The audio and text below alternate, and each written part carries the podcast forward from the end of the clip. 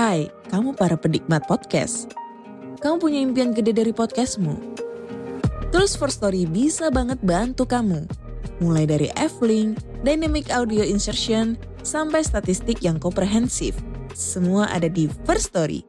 Gak ketinggalan kamu bisa monetisasi podcastmu lewat iklan dari First Story Ads yang bisa kasih kamu penghasilan dari setiap place podcastmu. Yuk gabung sekarang dengan klik di firststory.me. Sekali lagi, klik di firststory.me. Mari kita bawa mimpi podcastingmu menjadi kenyataan.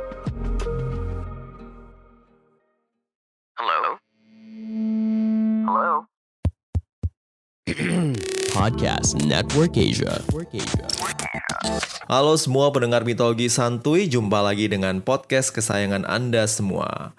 Sebelum kita memulai episode kali ini, gue pengen ngucapin selamat tahun baru untuk kalian semua dan semoga di tahun 2022 ini segala yang belum kita capai di tahun-tahun sebelumnya boleh terwujud. Nah, tanpa tunggu lebih lama lagi, mari kita lanjutkan cerita petualangan Theseus dengan episodenya yang terbaru berjudul Theseus, Akhir dari Perjalanan.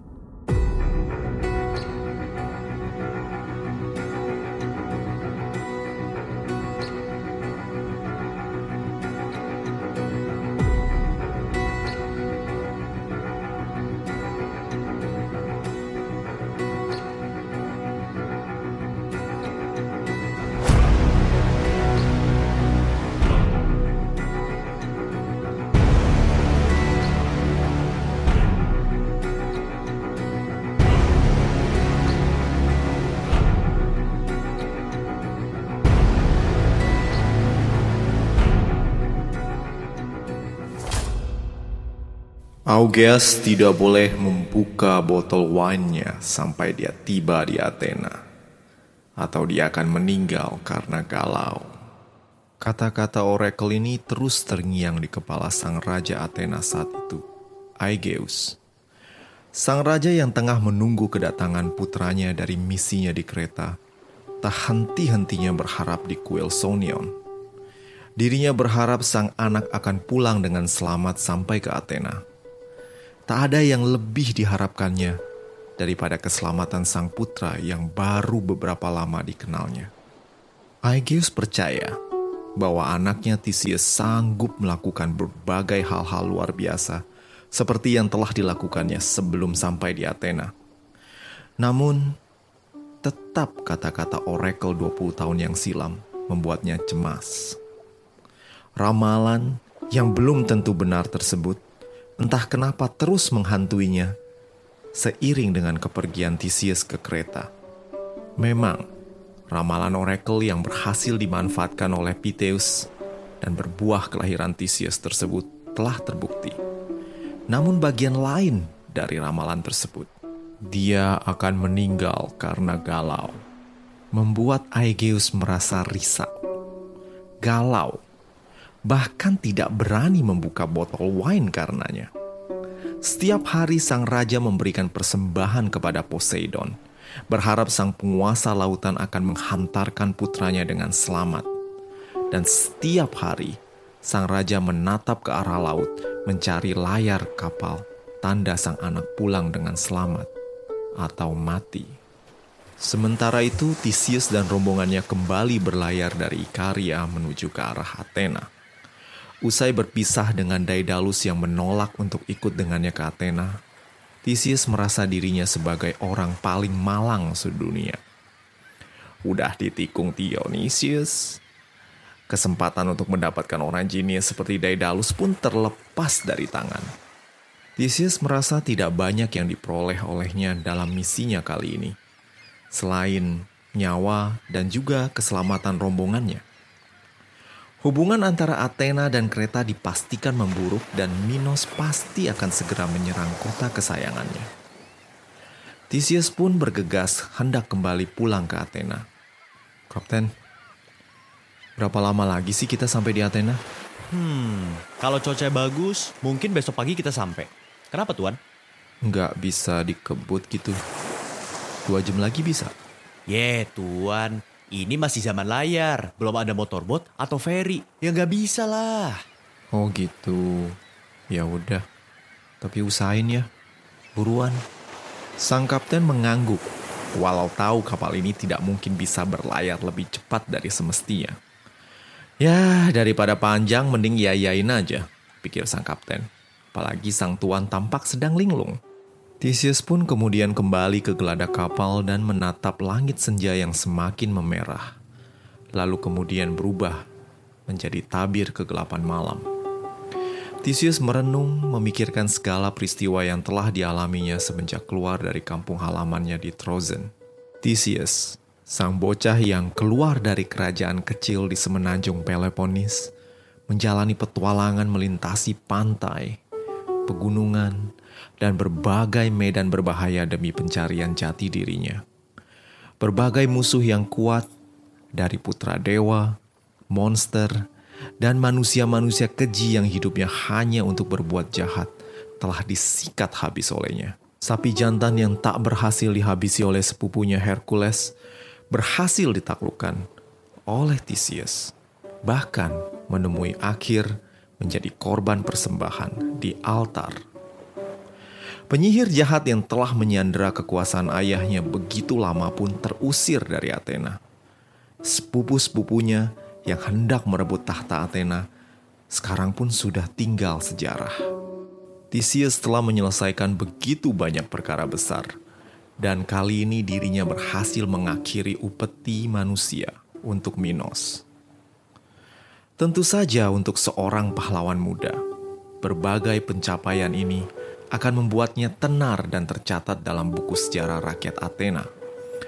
Patung dan kisahnya akan turun-temurun diceritakan ke berbagai penjuru Yunani, Eropa, dan bahkan menjadi bahan cerita salah satu podcast terkeren di Indonesia.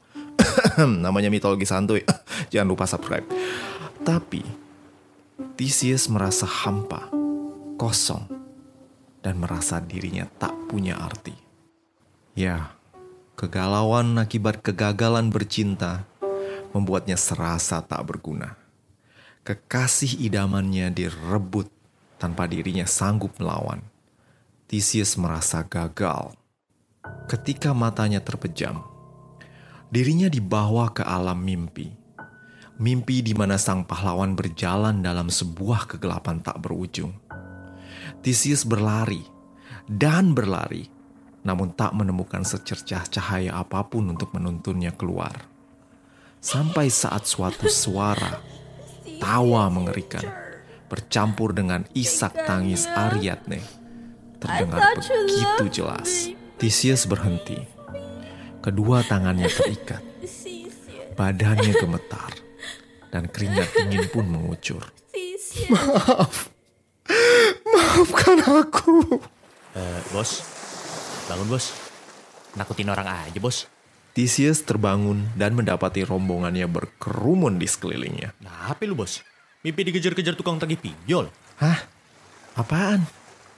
Emang gue ngigo apaan tadi? Ya gitu, teriak-teriak. Tidak, tidak, maafin aku. Please, please, forgive me. Hah? Ah, oh, uh, enggak, enggak, enggak, enggak apa-apa kok, enggak apa-apa beneran dah. Eh, bos, Bentar lagi kita nyampe di Athena. Tuh, lihat. Sinar terang di ujung sana. Itu kuil Poseidon. Sunia. Sebelum kita lanjutkan cerita tentang petualangan Theseus, mari kita dengarkan satu dua kata dari sponsor kami. Di masa PPKM, sepertinya peraturan terus berubah. Namun, hanya satu yang tidak pernah berubah, keinginan kita untuk berbelanja ketika kita ingin pergi untuk berbelanja di satu tempat, kemungkinan ada tempat yang tutup. Namun, Shopee tidak pernah tutup. Shopee adalah platform e-commerce terdepan di Indonesia, di mana kamu dapat membeli berbagai macam keperluan dengan berbagai macam kategori dan juga diskon yang super besar. Membelinya juga mudah dan pembayarannya gampang banget. Kita juga bisa melihat track pemesanan kita dan juga kita bisa chat dengan penjual. Tunggu apa lagi? Mari kita berbelanja di Shopee. Gunakan tautan yang tersedia di deskripsi episode kali ini. Sementara itu, Raja Aegeus baru saja selesai memimpin ritual di kuil Poseidon. Seperti biasa, dirinya berdiri menatap ke arah laut, berharap layar kapal Theseus akan muncul dari kaki langit. Hembusan angin bertiup menerpa rambut sang raja yang telah memutih. Sang raja yang sejenak memperoleh semangat dan vitalitas mudanya, kini kembali tampak renta. Kecemasan dan kerinduan akan anak laki-lakinya semata wayang membuatnya tampak seperti saat Medea masih mempengaruhinya dengan sihir. Aegeus menatap begitu lama ke arah laut, dan kemudian hendak berpaling kembali ke istananya. Sampai salah seorang pengawalnya berseru, Lihat Baginda, ada kapal kita di kejauhan. Aegeus membalikkan badannya dan menoleh kembali ke arah laut. Harapan akan anaknya Theseus kembali ke Athena dengan selamat muncul. Namun seiring dengan waktu dan alunan gelombang laut, mimik Aegeus yang tadinya penuh pengharapan menjadi muram. Kapal tersebut memang berlambang burung hantu, simbol Athena yang diberikan oleh Dewi Kebijaksanaan dan Perang. Namun layarnya berwarna hitam. Augeas tidak boleh membuka botol wine-nya sampai dia tiba di Athena. Atau dia akan meninggal karena galau. Kembali kata-kata sang oracle terngiang di kepala sang Raja Athena. Ya, inilah penggenapan dari ramalan yang diterimanya dulu. Aegeus telah memahami sepenuhnya bahwa sabda oracle tentang keturunannya telah terbukti Aegeus yang telah dalam tanda kutip membuka botol wine-nya di Trozen, sebuah kerajaan nun jauh dari Athena, telah menghasilkan seorang keturunan dalam wujud Theseus. Namun bagian kedua dari ramalan tersebut, di mana Aegeus akan meninggal karena galau. Ya, bagian ini. Sekaranglah saatnya tergenapi. Sementara itu di kapal Theseus, rombongan muda-mudi Athena bersorak melihat kuil Poseidon Sonion dari kejauhan. Bagi para pemuda dan pemudi Athena, kuil Poseidon adalah penanda bahwa mereka telah berada di tempat aman dan sebentar lagi akan sampai di kampung halaman mereka. Theseus dan sang kapten pun bersorak gembira. Mereka kemudian mengeluarkan simpanan wine yang telah mereka beli di Naxos untuk merayakan keberhasilan mereka pulang dengan selamat. Theseus sejenak melupakan kesedihannya dan bergabung dengan rombongan yang tengah bersorak kegirangan. Namun tiba-tiba matanya melihat ke arah layar dan menyadari bahwa dia telah membuat kesalahan yang fatal. Kata-kata Aegeus sebelum berangkat tiba-tiba terngiang. Dengerin dulu kalau orang tak lagi ngomong, tong. Mau dikutuk jadi batu. Gini, kalau kau pulang dengan selamat, kibarkan layar putih agar papa bisa menyambutmu dengan sukacita. Kapten, kapten, ganti layarnya cepet, cepetan, cepetan, cepetan. Hah? Ganti apanya tuan? Ganti bayar? Layar! Cepetan, ganti, ganti layarnya pakai warna putih, cepetan, cepetan. Sang kapten mendengar betapa serius nada suara Theseus dan langsung membuang botol anggur yang baru diminumnya seteguk itu dan bergegas melepas layar hitam kapalnya. Tuan, layar putihnya di mana? Menekete hejir, cepetan, cari. Rombongan muda-mudi Theseus pun kemudian berhamburan mencari layar kapal putih yang tersimpan di suatu tempat di kapal. Mimik muka Theseus tampak pucat dan keringat dingin pun mengucur. Mulutnya komat kamit berdoa berharap apa yang tengah dilakukannya tidak terlambat. Sementara itu, Aegeus telah melihat layar hitam kapal Theseus. Sang raja yang renta tersebut langsung tersungkur dan menangis dengan penuh kesedihan. Anakku, anakku, Theseus. Malang benar nasibmu, nak. Anakku.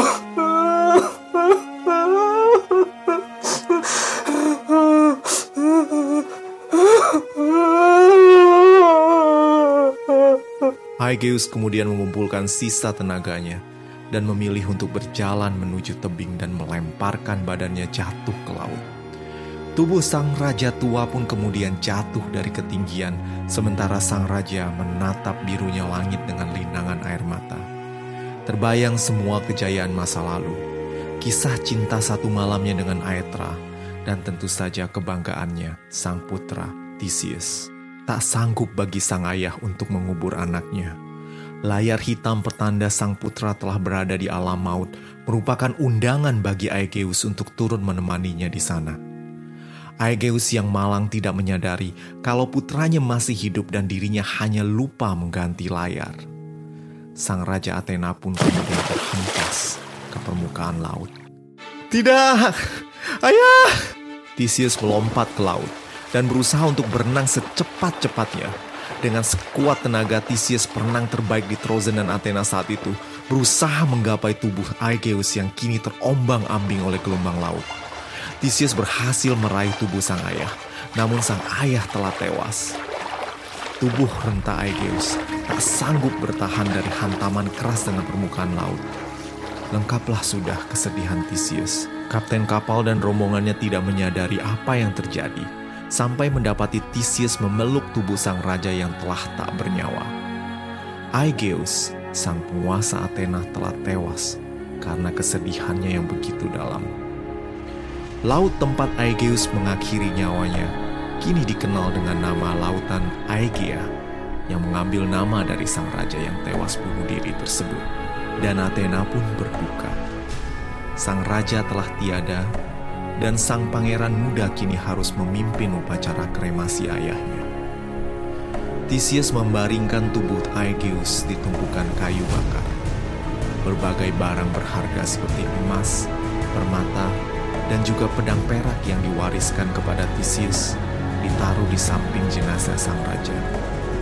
Theseus tak ingin ayahnya berpaling ke alam maut tanpa senjata dan harta. Theseus meletakkan sebuah koin drachma emas ke dalam mulut Aegeus sebagai ongkos untuk Charon, sang tukang perahu yang mengantarkan arwah ke alam Hades. Setelah mengucapkan doa dan salam terakhir, Theseus membakar jenazah Aegeus dan mengirimnya ke tempat peristirahatannya.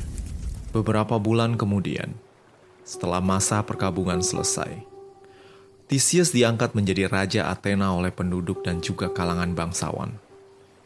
Tidak ada calon lain yang lebih pantas selain Theseus. Dan Theseus yang telah mengerti akan tanggung jawabnya sebagai seorang pewaris tahta dan pelindung Athena, menerima dengan penuh tanggung jawab posisi tertinggi di Athena tersebut. Theseus menyatukan wilayah-wilayah di sekitar Attika dan menjadikannya bagian dari kerajaannya. Sang Raja Athena juga merevisi berbagai undang-undang yang tidak adil dan juga membuat suatu pemerintahan Athena dengan model negara kota atau polis yang kemudian turun-temurun diteruskan oleh penduduk Athena. Theseus juga membangun armada Athena dan memperkuat pertahanan kota tersebut mengingat Minos pasti akan datang menyerang. Namun setelah beberapa waktu hal yang ditakutkan oleh Theseus tidak terjadi Armada Minos tidak pernah sampai dan hanya kabar tentang kematiannya di spasi Silia yang terdengar. Theseus pun kemudian mengirimkan duta besar ke Kreta dan berhasil memperbaiki hubungan dengan kerajaan tersebut. Theseus memerintah dengan adil dan Athena menjadi negara kota yang paling maju di seluruh Yunani. Oke, okay, sekarang Theseus sudah jadi raja, nggak ada monster lagi dan semua aman. Apakah ini akhir dari cerita Theseus? Ya, nggak juga sih. Mungkin kisah yang paling umum tentang Theseus diakhiri seperti ini. Tapi, sebenarnya, kisah sang penguasa Athena ini masih panjang dan melibatkan para dewa dan demigods yang lain, seperti Hercules dan lain-lain. Gua nggak mau spoil, tapi sepertinya para santuyers, pendengar semua, kalian harus menunggu sedikit lagi untuk ini. Karena di episode mendatang gue pengen membawakan sesuatu yang lain. Jadi bagi kalian yang follow gue di Instagram Mitologi Santuy, mungkin tahu kalau belakangan ini gue lagi baca buku Seven Wonders of the Ancient World alias tujuh keajaiban dunia kuno. Nah, berhubung tujuh bangunan ini ada hubungannya dengan mitologi Yunani, gue pengen bawain ceritanya. Jadi, nggak cuma mitologi tapi juga bercampur dengan sejarah. Dan kebetulan beberapa bangunan ini pernah gue kunjungi sendiri. Jadi kalian akan mendapatkan informasi, cerita, serta pengalaman langsung dari gue. So, it will be awesome. Sebelum gue mengakhiri episode kali ini, gue pengen mengucapkan terima kasih kepada Bro Alvin dan juga Bro Yulian yang sudah menyumbangkan suara emasnya untuk episode kali ini. Gue juga pengen menyapa saudari Vivi dan juga saudari Yarahayu yang sudah traktir gue di laman traktir mitologi santuy. Buat kalian yang pengen mendukung podcast ini, silahkan kunjungi laman traktir mitologi santuy yang tersedia di deskripsi episode. Terima kasih untuk kalian yang sudah mendengarkan, dan sampai jumpa di episode selanjutnya. Ciao! Pandangan dan opini yang disampaikan oleh kreator podcast, host, dan tamu tidak mencerminkan kebijakan resmi dan bagian dari podcast Network Asia. Setiap konten yang disampaikan mereka di dalam podcast adalah opini mereka sendiri dan tidak bermaksud untuk merugikan agama, grup etnik, perkumpulan, organisasi, perusahaan, perorangan, atau siapa pun dan apa pun.